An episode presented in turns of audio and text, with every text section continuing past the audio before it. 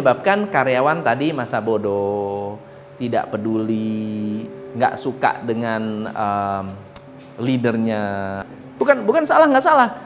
Kita mendidik apa? Bang, anak buah kita lebih rajin belajar, tutut tutut tutut tutut tutut tutut, suatu hari dia kok gue mentok ya? Kok gue mentok ya?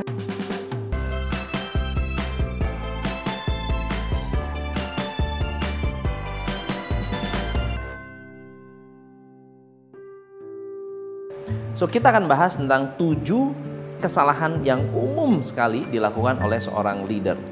Kesalahan-kesalahan ini sifatnya manusiawi tetapi tidak boleh dibiarkan.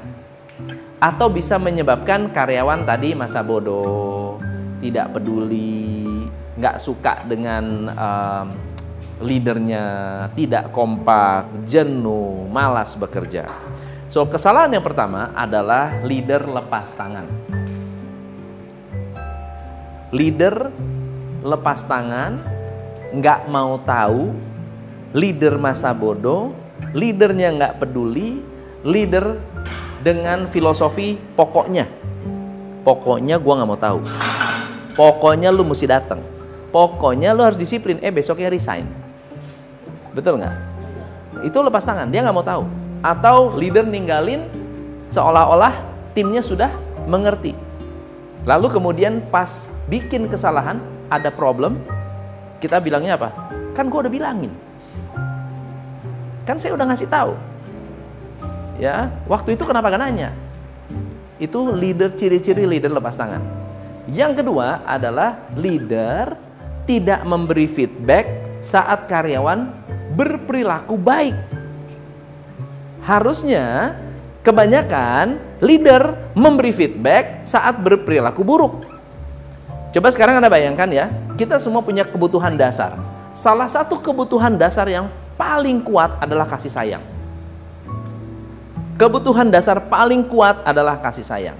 Oke? Kita bisa kangen sama pacar kita yang bawel karena bawelnya. Ya, karena reseknya kita kadang-kadang kangen sama teman kita karena bawelnya, karena resenya. Kenapa? Saat dia rese, kita merasa diperhatikan. Saat dia bawel, kita merasa disayang. Sekarang kita punya anak buah. Setiap kali dia bikin kesalahan, kita bawel. Kita perhatiin. Kita kasih motivasi. Kita bahkan tegur. Kita marahin. Kadang-kadang setelah marah, kita merasa bersalah, diajak makan. Betul ya? Bukan, bukan, bukan salah nggak salah. Kita mendidik apa? Kita kalau kebutuhan dasar adalah kasih sayang dan bentuk kasih sayang yang dipersepsikan adalah dimarahin, maka dia akan dengan senang hati menciptakan lebih banyak lagi kesalahan supaya lebih banyak perhatiannya. Kita harus mem, kita harus tahu kita ini niat mendidik yang bagaimana. Kalau kita niat mendidik orang untuk berperilaku baik, setiap kali berperilaku baik, beri feedback positif. Ini yang gue mau, itu kan? Ini dia yang gue suka. Thank you for coming on time. Karena lu on time, gue kasih hadiah. Kasih sayangnya kasih sayang positif. Ketika dapat kasih sayang positif, dia akan selalu lapar mendapatkan kasih sayang po positif. So ini adalah kesalahan yang kedua. Kesalahan yang ketiga adalah tidak ngerti karyawan itu punya potensi atau tidak. Ada orang tampangnya blow on, mukanya nggak enak dilihat.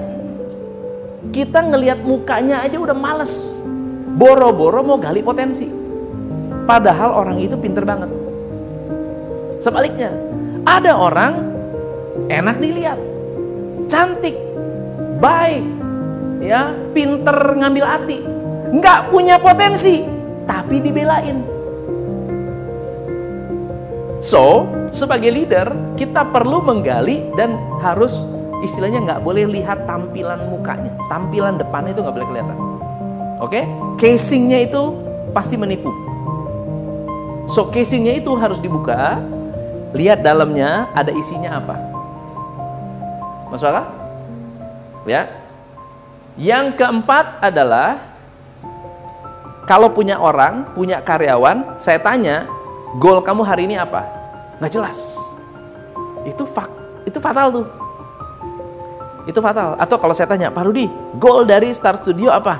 Pak Rudi, jawabannya berbeda dengan jawaban Bu Zara atau Pak Jono. Itu udah fatal. Itu salah Pak Jono. Karena nggak mengkomunikasikan goalnya kepada Pak Rudi. Atau terlalu banyak goalnya. Kalau goalnya terlalu banyak, ini saya mau, ini saya mau, ini saya mau, ini saya mau, ini saya mau, ini mau, saya mau semuanya.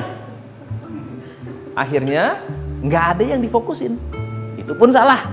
Sama aja goalnya nggak jelas. Oke? Yang ke lima, leader nggak berubah. Jadi leader nggak mendorong perubahan, jadi leader tidak melakukan perubahan diri sendiri. Jadi kalau ditanya, bisnis kita hambatan besarnya ada pada leadernya. Dia nggak mungkin melewati leadernya. Anak buah kita nggak bisa melewati kita, betul ya? Kalau Nuni adalah manajer, Nopita adalah supervisor, supervisor nggak mungkin ngelangkahin manajer. Kalau nggak kalau nggak Nopita jadi manajer, betul ya? Tapi kalau kalau kita pengen Nopita itu naik kelas, kira-kira yang harus naik kelas duluan siapa? No, Nuniknya harus naik kelas. Leader yang di atas harus naik kelas, belajar, belajar, belajar, belajar. Baru kita bisa naikin orang di bawah kita. Baru kita bisa gerek, betul nggak? Namanya dikatrol. Bisa kita katrol. Tapi kalau kita sendiri nggak ber, berkembang, anak buah kita lebih rajin belajar, tutut tutut tutut tutut tutut, suatu hari dia kok gue mentok ya, kok gue mentok ya, kok gue mentok ya, ah keluar ah, dia bisa berkembang di tempat lain. Dia akan mem, mem, memiliki kemampuan untuk melihat lebih jauh dari manajernya, mereka akan keluar. So sebagai leader tidak boleh tidak berubah. Sebagai leader harus punya buku favorit setiap bulan. Punya buku favorit nggak? Buku apa? Harry Potter. Buku apa? Buku ini kita ceritain ke anak buah kita. Wah ada buku bagus banget namanya buku ini. Buku ini menceritakan ini, menceritakan ini, menceritakan ini. Kita bisa share betapa open mindednya kita. Lalu orang akan ketularan. Wah si ibu ini begini-begini. Saya itu senang baca buku. Nah, baca buku ya ringan yang ini. Nah, kalau ada buku bagus, saya kasih anak buah. Baca ya. Kalau mau orang itu baca atau orang yang suka baca, enak. Tapi kalau nggak suka baca, kamu bikin kutipan dari buku ini untuk dimasukin ke Twitter. Masuk akal? Nih ya, tolong ya, bikin kutipan dari buku ini. Nanti dia bikin seorang leader adalah orang yang harus begini bla bla bla bla bla bla. Quotes dari siapa? diketik masukin ke Twitter tapi dengan dia baca dan dia nulis dia udah baca dia udah belajar ya tapi saya harus baca dulu dong betul nggak? Jangan saya beli buku lempar orang itu juga nggak bener. Nanti anak gua lebih pintar dari kita juga salah. Yang keenam adalah melihara apel busuk atau udah tahu karyawan bejat di maintain nggak boleh. Karena apel busuk itu nular. Tomat busuk itu nular, harus dipisah. Kalau jelas-jelas ada apel busuk, coba dilihat apakah ada tempat yang pas untuk mengisolasi orang ini yang tidak bisa ter menginfluence, mempengaruhi orang-orang di sekitarnya sampai orang itu bisa dipastikan bebas penyakit. Kayak ikan sakit jangan campur di kolam yang banyak ikannya keluarin pindahin ke kolam yang diisolir dan yang terakhir tidak memberi contoh. Leader mau karyawan rajin kasih contoh. Rajin tuh kayak apa?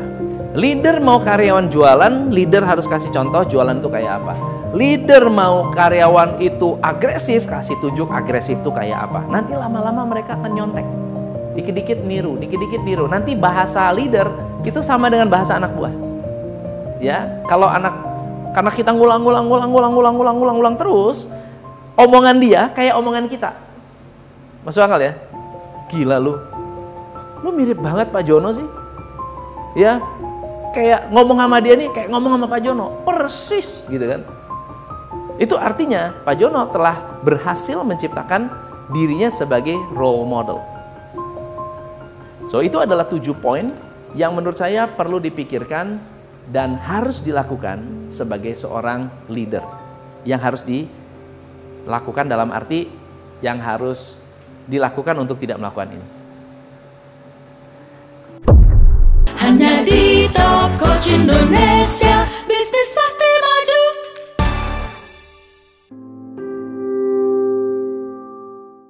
Oke, deadline sudah dekat. Oh iya, harus telepon klien. Anjingnya lucu banget. Eh, tadi lagi ngapain ya?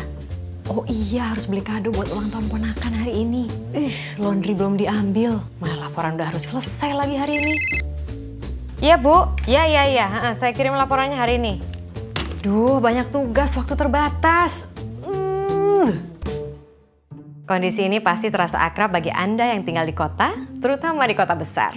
Kondisi seperti ini tidak jarang membuat Anda stres, karena banyak yang harus dikerjakan, sementara waktu terbatas. Akhirnya Anda berusaha untuk melakukan beberapa hal sekaligus dalam waktu yang bersamaan. Perhatian terbelah-belah sehingga sulit fokus. Dan biasanya karena terburu-buru, jadi cenderung mengerjakan seadanya sehingga hasil tidak maksimal. Nah, agar tetap tenang, fokus, maksimal mengerjakan kesibukan harian dan menikmati semuanya, saya memulai hari dengan satu kalimat. Kerjakan semuanya satu persatu. Monotasking. Monotasking adalah tindakan hanya melakukan satu tugas atau aktivitas saja dengan perhatian penuh dalam satu waktu. Tujuannya agar bisa mengerjakan segala sesuatunya lebih efektif. Monotasking banyak manfaat. Ketika kita kembali membiasakan diri melakukan satu hal dalam satu waktu dengan perhatian penuh, kita kembali menguatkan kemampuan konsentrasi. Monotasking juga baik untuk menumbuhkan disiplin diri, sehingga kita tahan terhadap gangguan. Ya, tidak bisa dipungkiri, teknologi dalam smartphone sangat memudahkan hidup, tetapi juga bisa menjadi sumber distraksi. Notifikasi, feed media sosial, likes, komentar, headline sensasional, dan gosip di grup chat. Semua ini membuat Anda penasaran kan? Semua ini berlomba untuk mendapatkan perhatian penuh Anda di waktu Anda yang terbatas. Tahukah Anda, ketika konsentrasi Anda sudah terganggu, anda butuh waktu kira-kira 15 menit untuk mengembalikan fokus pada pekerjaan yang sempat terputus. Dengan monotasking, Anda bisa menghemat waktu.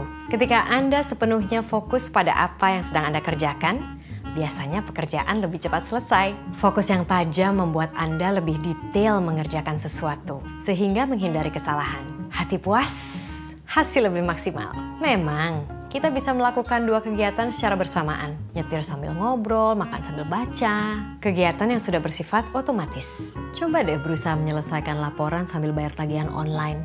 Sulit kan? Karena memang otak kita tidak mampu fokus pada dua hal yang membutuhkan konsentrasi penuh sekaligus. Bagaimana mulai melatih monotasking agar kita lebih bisa menikmati kesibukan harian? Satu, petakan kegiatan atau tugas dan alokasikan waktu dengan jelas. Seperti ini baiknya disiplin menjalankan ini. Ketika waktunya kerja ya kerja, begitu juga dengan waktu istirahat. Dan pastikan juga Anda disiplin untuk melakukan seluruh kegiatan ini satu demi satu. Dua, Kurangi gangguan konsentrasi.